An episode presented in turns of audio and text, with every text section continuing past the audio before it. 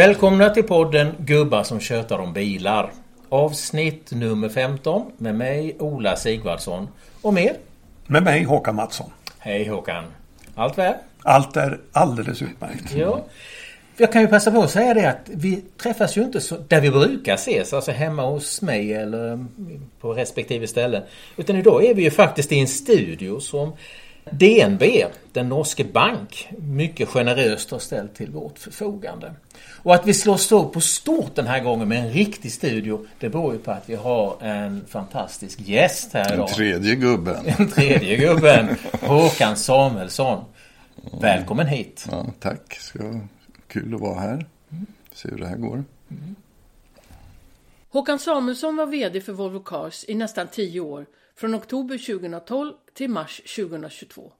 Han föddes 1951 i Motala, tog civilingenjörsexamen på Kungliga Tekniska Högskolan och anställdes i dåvarande Saab Scania i Södertälje.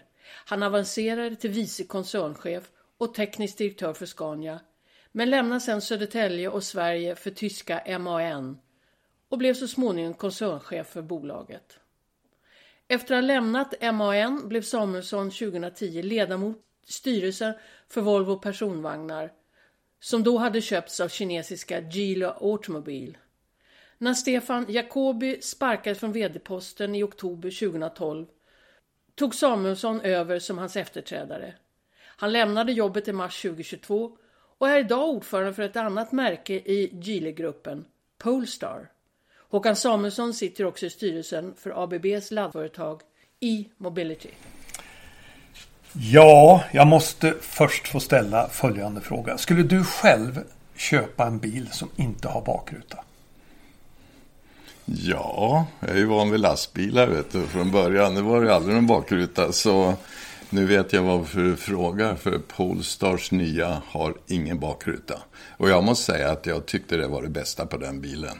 Så det sa jag åt honom. Varför det? Nej, men de, dels så är jag så trött på att höra alla journalister klaga på att så dålig sikt bakåt. Då tänkte jag lika bra gå hela vägen. Men eh, skämt åsido, du har ju då en kamera. Så du har ju en backspegel som vanligt. Tittar du den som är en skärm. Och då ser du ju då precis som du satt i en cabriolet.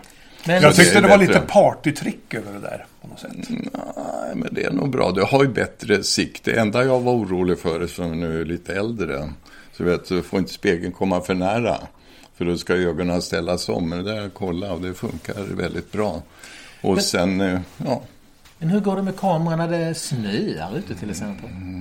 Jo, men det blir väl ungefär som med bakrutorna. De brukar ju också snöa igen. Men jag är faktiskt inte insatt. Men då har de säkert tänkt till att göra någon ren rening. Så jag skulle tro faktiskt det är bättre än, än bakrutan. Där har du ju ofta en sån här... Kameran kanske är eluppvärmd. Ja, inte... Nej, de Annars ju... är det ett tips från oss. Ja, det är ett bra tips. Jag ska kolla det där nästa gång jag träffar dem. Men det har de nog tänkt på. Du, när vi pratade före den här podden, före inspelningen, så, så frågade jag dig vad vill du prata om? Och då sa du elektrifiering direkt. Varför det? Ja, det är ju stora eh, trenden eller den stora omställningen i bilbranschen. Det är ju större än vad man tror. För jag tror det är inte bara nu ett annat, en annan motor. Det, det är inte som att gå från bensin till diesel eller tillbaks till bensin igen. Utan det här är någonting större. Det ändrar ju hela bilbranschen. Om du tänker på alla underleverantörer som nu gör kolvringar, vevstakar, lager, oljefilter, vattenpumpar. För dem är det ju en enorm omställning. För biltillverkaren är nog inte riktigt lika stor för de kommer ju fortfarande ha ett löpande band och montera bilar och stolar och klimatanläggningar. Det är ju kvar. Och grund och botten så blir ju bilarna ändå lite enklare till sin konstruktion. Ja, det blir de. Mindre, färre rörliga delar. Det är lite som att gå till jetmotor med flygplan. När de gick från tusentals rörliga delar till en rörlig del. Det här är samma steg. Sen kommer det ju samtidigt något som egentligen inte har med elen att göra. Men elbilar kommer ju distribueras och säljas på ett annat sätt. Som också blir en, en revolution. Alltså man ser ju nu kommer mer och mer sådana här äh, agentavtal. Som betyder att eh, det finns ingen återförsäljare som köper bilen och säljer den vidare utan de är försäljningsrepresentanter men bilen legalt säljs direkt från fabriken. Och Men det, har ju ingenting med el att göra. nej, men det kommer samtidigt Ja. så lägger du ihop det här så blir det rätt så mycket som Men- är på gång. Jag tycker elektrifiering är ju en större fråga egentligen. Mm. Eh, men om vi skulle börja, det är så många perspektiv. Om man börjar allra längst bak i kedjan. Mm. Hur ser du på kärnkraft? Ja, egentligen så vi måste ju ha fossilfri el.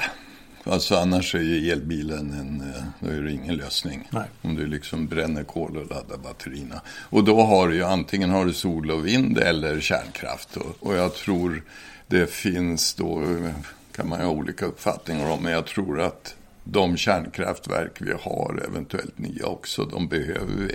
För det är ett jättekliv att ersätta allt med vind eller sol, speciellt på våra breddgrader. Så kan vi, Sverige är ju då enormt förspänt så att säga. Vi har vatten, eh, vi har vind och vi har kärnkraft. Som jag minns är det ungefär en tredjedel eh, av varje. Så, så vi har ju faktiskt eh, chansen att bli en av de första länderna i världen som faktiskt har fossilfri mobilitet. Men tror du vi klarar elförsörjningen? Jag menar både ni, eller förlåt, ditt gamla bolag Mm. Ja, Volvo mm. Cars Och Polestar. och AB Volvo. Mm. Ja, Polestar är involverat, ska bygga batterifabriker runt om. Förutom alla de här stora satsningarna i norr. Mm. Alltså det kommer ju att krävas enormt mycket el och kärnkraften är ju, vadå, Mm. tio år bort eller något. Ja, det är väl en fördubbling grovt räknat man, man ser framöver om tio år som skulle behövas alltså i elproduktion. Om du lägger på alla batterifabriker och stål. eh, Ja, Stålverk och så ja. Men om man tar bara bilen, för det hänger ju inte helt ihop heller. Det där fossilfria stålet är enormt energislösande. Men driften av elbilar, eh, om jag minns rätt, är alltså mindre än 10 procent. Om alla bilar kördes elektriskt så är det mindre än 10 procent. Så jag säger fullt realistiskt. Sen har du då, eh, när du gör batterier krävs det ju CO2 men det är ju ändå en ganska kort payback. Så jag menar efter ett antal år, med ett par tre år så, så har du verkligen eh, klar vinst när det gäller CO2. Men det finns ju andra frågetecken utöver tillgången på el. Och det gäller ju alltså till exempel eh, eh, tillgången på de eh, material som behövs för att göra batterierna. På arbetsförhållandena i de gruvor där man gräver fram det. Nej, men jag tror det får man bara, det måste lösas. Det låter kanske lite konstigt, men jag menar, all erfarenhet visar ju, finns det en marknad för något så börjar man leta efter nya gruvor och eh, bättre processer. Och självklart även i de här gruvorna där man fiskar upp kobolt, självklart så måste det göras på något mer socialt eh, ansvarsfullt sätt. Men jag tror det bästa är ju ändå starta en seriös eh, industriell verksamhet runt det här. Men när du var VD för Volvo Cars så införde ni blockchain Ja. för att spåra då hur de här mineralerna utvanns. Och du sa till och med att Och för våra lyssnare Håkan, vad är blockchain? Ja, det, är, ja, det är två saker jag inte kan förklara. Det är ju blockchain och så sådana här kryptovalutor. Så det tänker jag inte ge mig in på. Man kan bara använda orden, det Ja, låter modernt. men det är ju en kedja, en sorts Ja, informationskedja. det, ja, det liksom kvitteras Ja. bakåt. Så du ska ju ve- veta då om du köper ett kilo kobolt ska du veta det kom från den här grossisten och den här gruvan och Ja, så det är en vidare. sorts informationskedja. Ja, hela vägen. Och du eh, sa då nämligen att vi ska ner i gruvorna. Ja, Hur har det gått med det där? Har du varit nere i gruvan? inte personligen men jag vet att vår eh, audit då åker ju faktiskt till Rwanda och Kongo Mm. och tittar på det där hur de de kollar att det är märkt så som det ska och så vidare. Så det tror jag vi kommer att lösa. Jag menar, det finns ju massor med sociala problem i världen med hela textilindustrin har ju mycket att göra också. Så jag tror vi kommer nog tillsammans med dem har vi de utmaningarna men jag tror vi är på spåret. Men batterier är, de, har- det är ju inte utan komplikationer. De är tunga och de är dyra. Tekniken är ganska dålig. Ser du någon ny teknik som kommer på väg som liksom skulle revolutionera batterierna? Ja, det, det kan man säga. Däremot jag tror inte på någon, eh, något alternativ till batterielektrisk drift. Det är så bra, så bra verkningsgrad. Du tror inte på vätgas? Nej, det, det, E-fuel? Nej, nej, Som Porsche. Ändå värre. E-fuel har en 15 procents verkningsgrad mot 85 med batteridrift. Så jag menar, ta ström från kärnkraft eller vind och sen göra om det till e-fuel. Det är det sämsta. Men det bubblar ju lite bara så Ja. Mm. i Japan och i Kina. Ja, ny ja. teknik, det är fast elektrolyt, det är liksom... kan komma. Alltså, Men Då har du ju i så fall en laddare ombord. Då har du en elektrisk bil. Du har alltid eldrift, har alltid ett batteri. Sen kan du ladda batteriet med snabbladdare eller om du ska ha väldigt lång räckvidd kan du i och för sig ha med Eh, vätgas och ha någon slags fuelcell. Men nej, jag tror det blir eh, batterier är rätt. Och, och så fort vi börjar snacka och öppna upp det så blir det bara längre att ställa om. Så batterielektriskt är bra, men vi kommer att få bättre batterier. Jag tror inte det är en revolution, det är mer en evolution. Det kommer bli bättre och bättre. Det kommer att vara batterier till och med med betydligt mindre kobolt. Och i framtiden eh, kanske helt utan och, och längre och längre räckvidd. Det har ju talats en del på sistone om de här eh, natriumjonbatterierna. Mm. Det finns ju någon kinesisk tillverkare som skulle börja sätta en, en, en, en sån bil i sjön ju. Mm. Och det är precis också här som man inte tvekar på vägen utan det är batterielektriskt tror jag vi bara sett början. Det kommer komma så mycket uppfinningar och i och med att det finns en hård konkurrens där så kommer det finnas batterier som innebär att du har med en rimlig, behöver inte släpa mer ett halvt ton batterier utan kanske hälften men ändå kommer du få tillräckligt lång eh, räckvidd. För jag menar, det är ingen bil som har en eh, bränsletank på 1000 liter eller något. Det, det kommer inte, man behöver inte ha mer än en räckvidd motsvarande en 60-70 mil. Och dit kommer vi komma rätt så snart och sen kommer man att börja banta batterierna för att få ner vikten och kostnaden. Och, och, så jag menar, inte allt för många år kommer en elbil ha samma räckvidd och den kommer inte vara dyrare än en konventionell bil. Och då blir det ganska, då är det ett problem kvar och det är laddaren över natten ska jag vilja säga. För ladda ute på vägarna kommer att komma att lösas snabbt.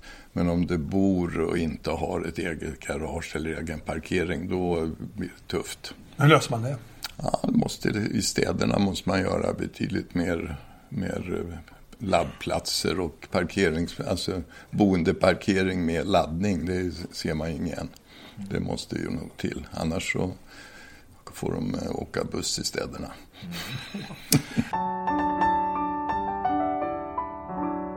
Tänkte vi skulle byta spår till lite globalisering och sånt. Polestar har ju flera nya modeller på gång. Du har redan pratat om den här fyra. Trean är ju redan presenterad. Den ska tillverkas i sin fabrik i USA tillsammans med nya Volvo EX90. Jag hittade en pressrelease från Polestar från 2021 där det ordagrant står Produktionen startar i Ridgeville, South Carolina under 2022. Det är Vad tju- hände? 22 är redan passerat. va? Jag har inte sett någon, någon produktion där av. Polestar 3. Nej, så den är på gång. Uppenbarligen försenad i förhållande till som Vad var det som hände? Nej, jag tror inte det har hänt någonting speciellt utan det är väl man missbedömer sådana här prognoser. Mm. Vill kanske vara lite mer optimistisk än vad man skulle vara 2021. Men bilen kommer ju nu är den på väg ut. Så. Vem kommer att lever- leverera batterier till Polestar 3? Är Eh. det Kattel eller är det LG Chem? Ja, det är CATL om jag inte Ja. minns fel. Jag vet inte om LG är med också. Jag tror inte det. Jag tror det är CATL som är huvudleverantör. Skälet att jag frågar är ju att eh, med de nya subventionsreglerna Mm. i USA så lär ju inte Polestar 3 eller Volvo EX90 få några, någon, några subventioner eftersom batteriet kommer från Kina. Mm. Men eh, den som är gjord i Amerika kommer ju ha amerikanska batterier. Så jag menar oavsett, kanske är kinesiskt eller koreanska eh, design, men de kommer ju tillverkas och monteras i USA för att uppfylla.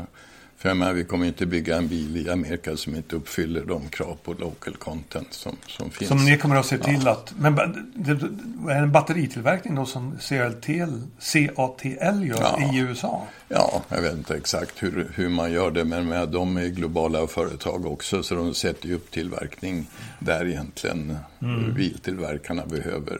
Men både batterier. 50 procent av batteriets värde och eh, monteringen måste ju ske Ja, i USA. ja. Och då, då vissa kritiska komponenter kommer man importera, men man kommer ju ha tillräckligt eh, lokal tillverkning. Ja. Det var ett besked. Ja, det var intressant.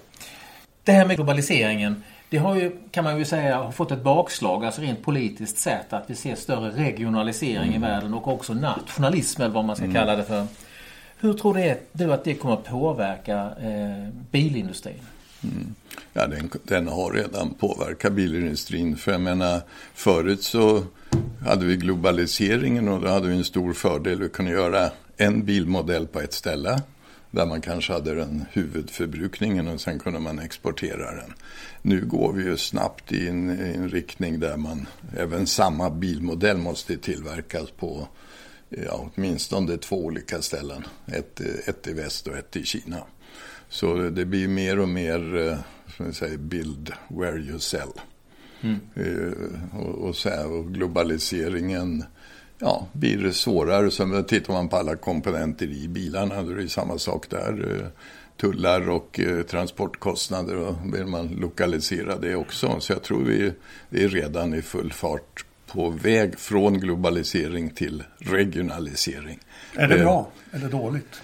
Ja, det är svårt att säga. Det är det som händer nu. Mm. Och, och, för kunderna kan man väl säga att det kan vara vissa fördelar. De kommer, bilarna kommer att tillverkas eh, närmare och leveranstiderna blir kortare. Och, eh, men det är klart, du måste ju dubbelinvestera.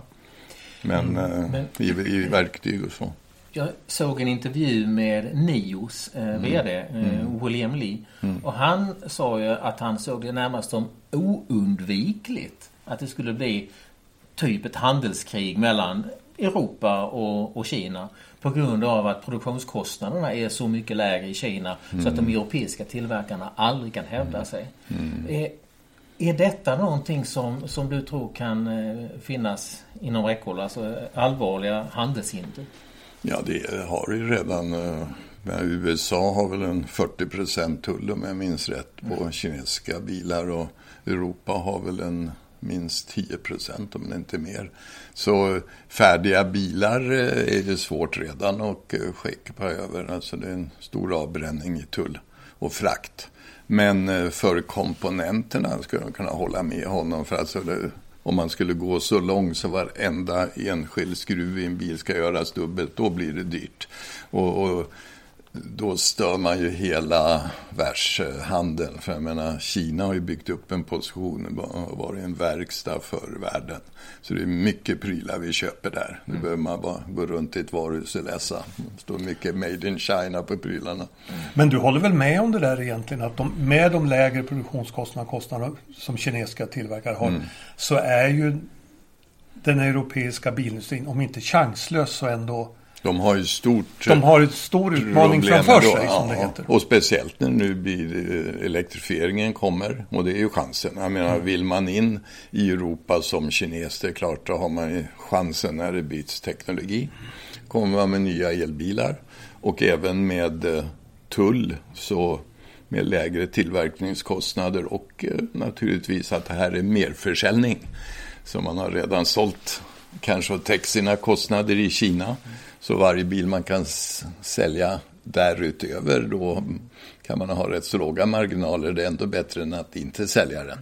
Och, och så kommer man ju se väldigt tuff konkurrens i Europa från kinesiska elbilar. Mm. Vi ser ju nu hur ett, ett stort antal märken, någonstans mellan 10 och 15 mm. märken, mm. är på väg in på den svenska marknaden. Mm. Men jag läste ledaren i senaste Vi bilägare där ledarskribenten menade att, att eh, det må vara så att de ser ut som att de kommer som Attilas hundar. Men att eh, de, alla de kommer inte att överleva utan det kommer att ske en normalisering. Mm. Vilket innebär en risk för den enskilde konsumenten. Mm. Alltså om man går och köper en bil mm. vars märke försvinner två år senare så står mm. man ju där med, mm. med en värdelös sak. Och det, så är det ju, och inte bara i Europa utan även i Kina. Jag menar, av alla de här nu, nu är vi tillbaka som eh, med vanliga bilar runt, säg 1920. Då fanns det bra många också. Buick Oldsmobile och Pontiac och allt vad de hette. Och sen överlever inte alla. Vi kommer ju se precis samma sak nu. Både i Kina och Amerika och Europa.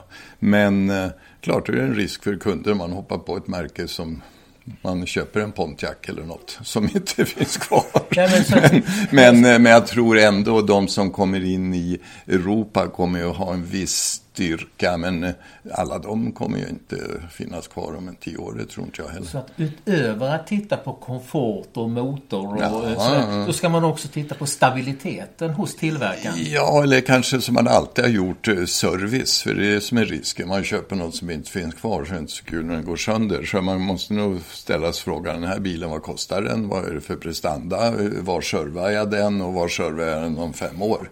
Det tror jag kunderna får tänka till på. Tror du att de som köpte en Saab 95 2007 tänkte så?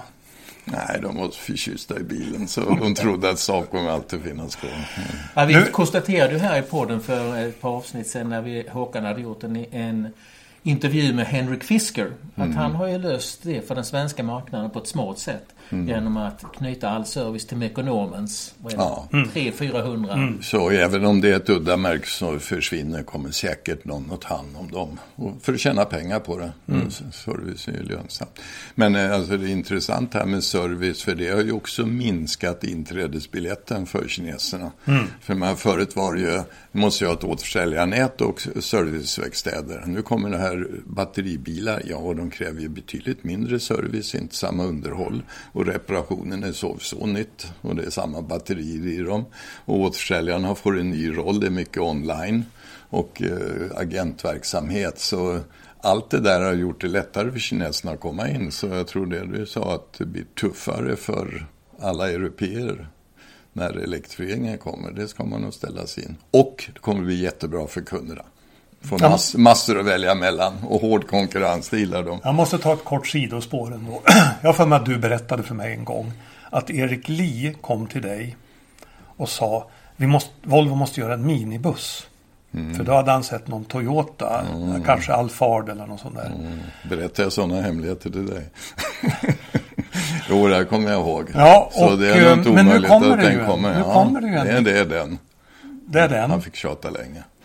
Men den ska tillverkas i Kina och bara säljas i Kina. Ja, det är där de har en marknad för större, trots att de har enbarnspolicy så har de stora familjer för att ta med mormor och faster och vill ofta åka ett större plus eh, sådana här executives vill ofta åka i en sån. Då sitter de i sådana stora pilotsäten och har det väldigt eh, komfortabelt. Så det finns en marknad i Kina som tror inte finns i Europa i alla fall, kanske i USA. Är det en svensk bil? Ja, na, det är en Volvo så då är det där frågan igen. Är Volvo en svensk bil? Ja, eh, varumärket och företaget är registrerade i Sverige men alla bilar tillverkas ju inte i Sverige och heller inte utvecklat längre i Sverige utan vissa modeller, vissa plattformar kommer att använda kinesiskt. Du, vi kanske ska prata om varumärken. Det tycker jag är spännande ju.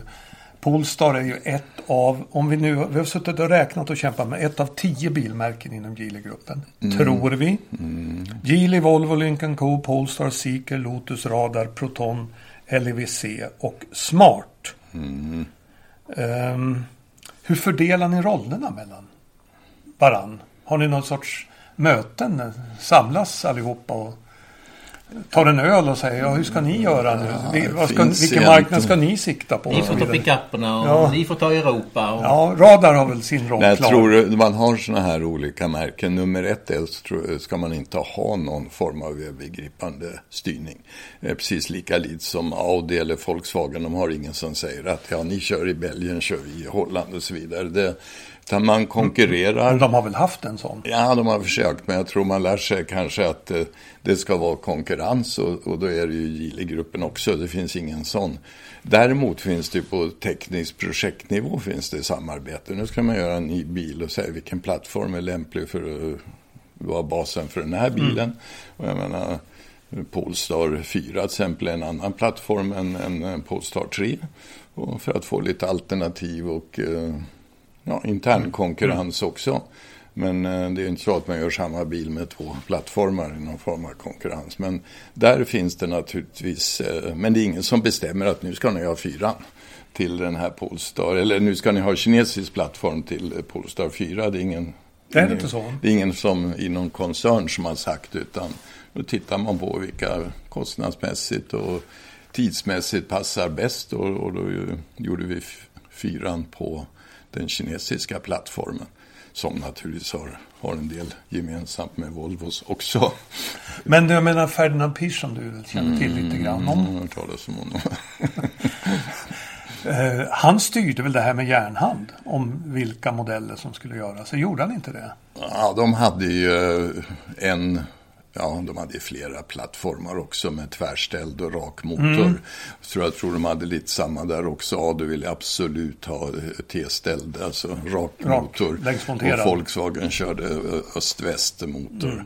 Så, eh, så man kommer fram till att man behöver två plattformar för att tillfredsställa dem. Så jag tror var nog kanske inte så. Men han var ju enormt tekniskt intresserad som jag tror är faktiskt bra om man ska motivera en organisation. Så de var nog väldigt, eh, tyckte det var spännande när han kom ut och frågade hur ska ni göra här och kritiska frågor. Jag har hört historia att han ställde upp 19 modeller från gruppen och bad att få lyssna på tutorna. Ja, ja just Sen kom handskfacksluckorna. Ja. Mm.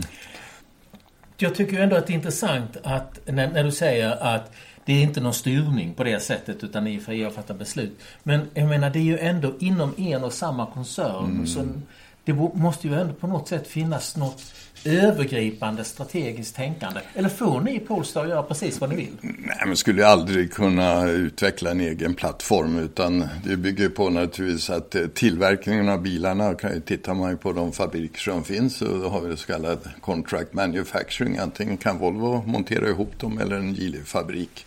Och sen plattformarna är utvecklade, då får man ju välja. Servicen naturligtvis tittar man ju också på. Finns det Volvo-verkstäder som är intresserade att serva de här? Så i det avseendet finns det ju eh, ingen som behöver så att säga kommendera. Det är självklart att man utnyttjar de synergierna. Men annars tror jag ganska bra. Det här är ju då fristående. Nu är det ju börsnoterade bolag och måste ju då tror jag konkurrera med varann och det är ju en, eh, en fördel. Man måste ju välja spår. Annars så gör man ju alltid en enda firma och så har man någon teknisk kommitté som sitter och kommenderar hit och dit. Jag tror inte att det skulle vara bättre, utan klart sämre. Men ur ett koncernperspektiv så mm. är det ju så här att det är något av det viktigaste man kan göra om man har en produkt som man vill ska leva på en marknad. Mm. Det är att bygga varumärket. Mm. Det är väldigt dyrt och det tar väldigt lång tid. Mm. Är, det, är det så smart ur koncernperspektiv att ha tio bilmärken att bygga varumärke för? Eh, Nej, det får väl Erik svara på. Peach hade 11, jag vet inte hur många.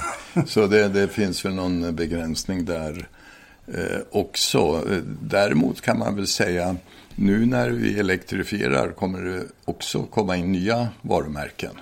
Och eh, det är inte säkert att de eh, gamla kommer att överleva. Så jag menar, det är många av de här nya som kommer inte att överleva, men många av de gamla kommer ju heller inte kommer att ja, ta några märken jag ska inte säga några namn, men man kan ju gott tänka ja, sig att kommer, kommer det finnas en Peugeot, kommer det finnas en Citroën, kommer det finnas en Opel eh, när alla bilar blir elektriska.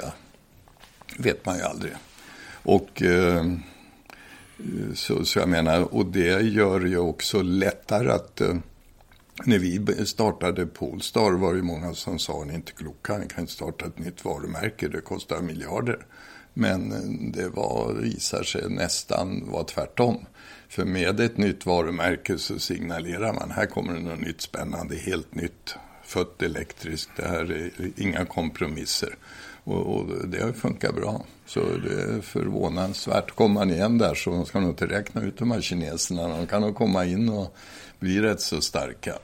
Men det enklaste vore väl om alla satt ihop och, och ut utvecklade bilar. Som, det fanns ju planer på samgående mellan Geely och Volvo som väl ja. du motsatte dig ja, högljutt. Ja, men det finns ju naturligtvis en, en, en gräns. Eh, att ha en enda fabrik för alla bilar, det är definitivt, det dog väl med Sovjetunionen så det kommer väl aldrig tillbaka. Och sen Förr tror jag då var synergin att tillverkningskostnader, seriestorlek och så vidare. Idag är det eh, viktigare att vara snabb fram med ny teknologi.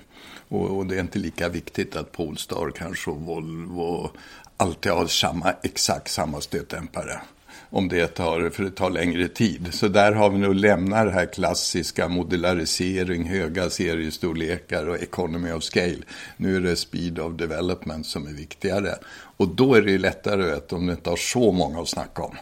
Nu sitter eh, tolv man i en kommitté och ska försöka enas om hur ska vi göra det här. Då blir det ingen snabb utveckling. Utan då är det nog bra med mer självständiga eh, eh, brands. Ola sa ju att det tar sån tid att bygga upp varumärken. Någonting som stör mig det är mm. det här varumärket Seeker. Ja. De är ju, kom från ingenstans och så säger de så här. Vi är premiummärke. Mm. För Audi tog det, brukar man säga, det tog 30 år att bli Audi, eller premiummärke. Men ja. Seeker säger bang, nu är vi, ja. alltså ska det gå till så? Ja. Är det okej okay det? Det är, lättare, det är lättare att man byter till el då. Mm. Skulle aldrig gått att etablera Seeker som först någon vanlig med hybrider och förbränningsmotorer. Sen nu är det bara Born Electric, då har man en, en chans. Mm. Så de vill ju vara, jag säger, ett alternativ till Polestar. Polestar är tyngdpunkt kanske i USA och Europa så är Seeker tyngdpunkt i Kina. Och, och sen, men nu kommer vi ha samma plattformar med Polestar 4 har ju samma plattform mm. som Seeker eller komponenter som mm. är gemensamma. Så, men de kör ni väl ifrån ganska enkelt, det här Seeker? Ja, det skulle vi väl ha som ambition. Frågar du Ann där på Seeker så svarar han nog tvärtom. Men, och det är kanske är det som är bra. En viss en viss hälsosam konkurrens. Ungefär som gick in i Volkswagen och frågade Volkswagen-chefen och AD-chefen får ju också olika svar. Hur ofta pratar du med Erik Lee? Ja, det är väl någon, nu när, eh, någon gång i månaden, varje mm. månad kopplar upp oss. Lägger han sig i lika mycket i detaljer som han gjorde en gång i tiden? Ja, jag vet inte om man ska säga att man lägger sig i, men han är otroligt. Han kommer med konstruktiva förslag? Då. Ja, och sen säger han på slutet, ja det här tycker jag, men det är ju ni som bestämmer. Brukar han alltid sammanfatta när, man, när han känner att han inte får sån här omedelbar entusiasm som svar. Så jag tycker han gör det på ett väldigt bra sätt. Mm.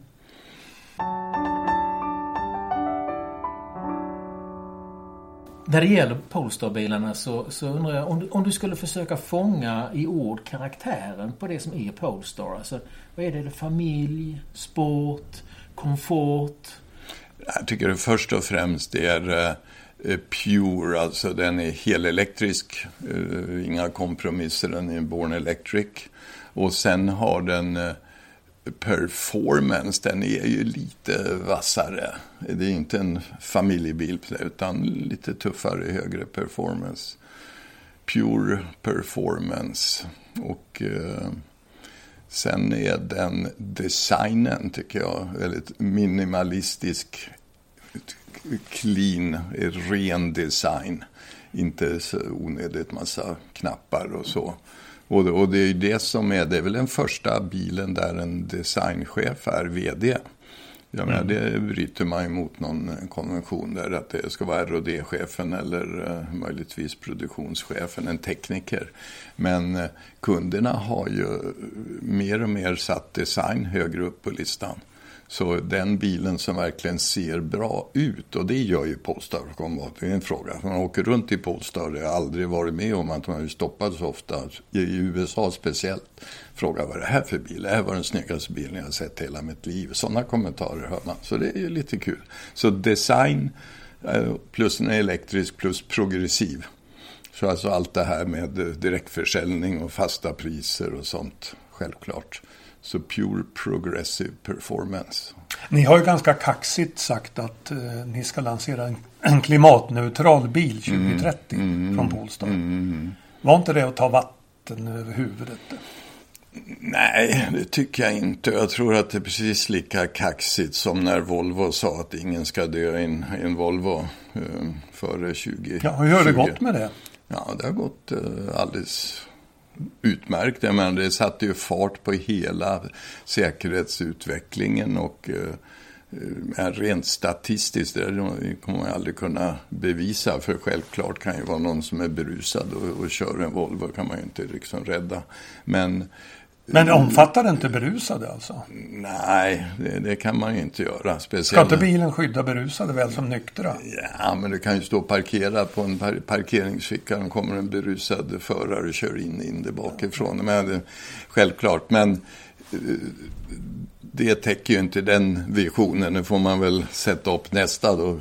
Hindra bilen går inte att köra när man är berusad. Sånt kommer ju nu också. Men, det, men tillbaks, den visionen var ju väldigt bra för Volvo. Det byggde varumärket, satte fokus på utvecklingen och ingenjörerna älskade det. Nu har vi vårt område. Så jag tror man ser precis på samma sätt. En Polestar ska vara naturligtvis progressiv och eh, sustainable. Och nu gör vi en bil som inte innehåller CO2 och låt oss göra en sån bil så man kan demonstrera att här går det faktiskt att ha den här typen av plast och det här stålet och, och så vidare. Så jag tror det är eh, väldigt bra. Sen om vi verkligen kommer, vad är det för årtal? 2030. 2030. Jag menar alla bilar som tillverkas 2030 kommer ju säkert inte innehålla noll CO2 men målet är att kunna ha en, en modell där man ser att det här går att göra. Men eh, sen måste ju kostnaden ner och så vidare förutsatt. Men jag tror det är en väldigt bra ambition att fokusera. Om vi stannar där vid 2030, hur mm. tror du att bilindustrin och bilismen kan vi ta i steg två. Hur har den förändrats till 2030? Om du börjar med bilindustrin. Du var inne på det redan nu. Ja, det är, kommer, kommer alla varumärken nej, att överleva? Det är nya. nya vilka är, det är inte de som finns där idag. Vissa konventionella kommer inte att finnas kvar. Sen har det kommit in nya kinesiska eller nya elektriska. Och, och, det är ganska intressant också. Det finns en hoper kinesiska nya sådana startups. Men i Europa som har en så stark bilindustri hur många finns det i Europa? I USA är Tesla, Rivian och Fiskars och allt. Va? Mm. Europa har bara ett märke, Polestar.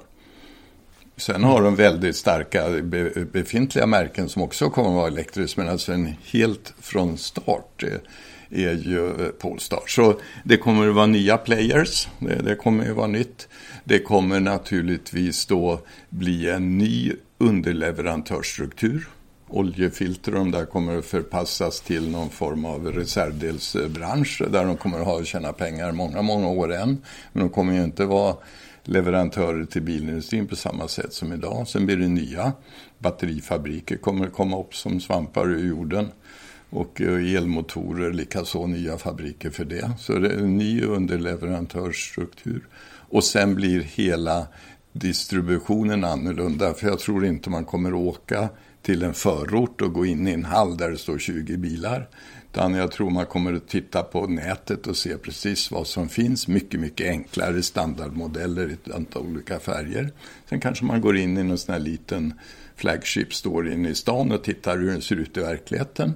Och sen hjälper personerna där och signa upp och sen får du din bil. Var vill du hämta ut den? Och då hämtar du ut den där naturligtvis det där du har det, de som tidigare var återförsäljare. Men med det här scenariot, hur många jobb kommer att försvinna? Eh, säkert eh, massor med jobb inom en traditionell underleverantör. Fast det kommer ju då växa till sig väldigt snabbt på digital utveckling mm. för säljplattformar och kringtjänster. Så eh, jag tror om människor fortsätter att lägga ner de pengarna man gör idag på individuell mobilitet kommer ju de pengarna att generera jobb. Eh, jag menar, det går inte till vinst allting utan det går till, till kostnader kanske 90 procent. Men om man tar kundperspektivet och liksom efter leveransen ut. Mm. Alltså till exempel kommer vi äga eller dela bilar? Ja, jag tror då ägandet är ju då överreklamerat. Jag menar, vi har telefoner allihop. Äger vi dem? Det, det gör vi ju inte finansiellt. Men vi skulle säga att jo, det är min telefon.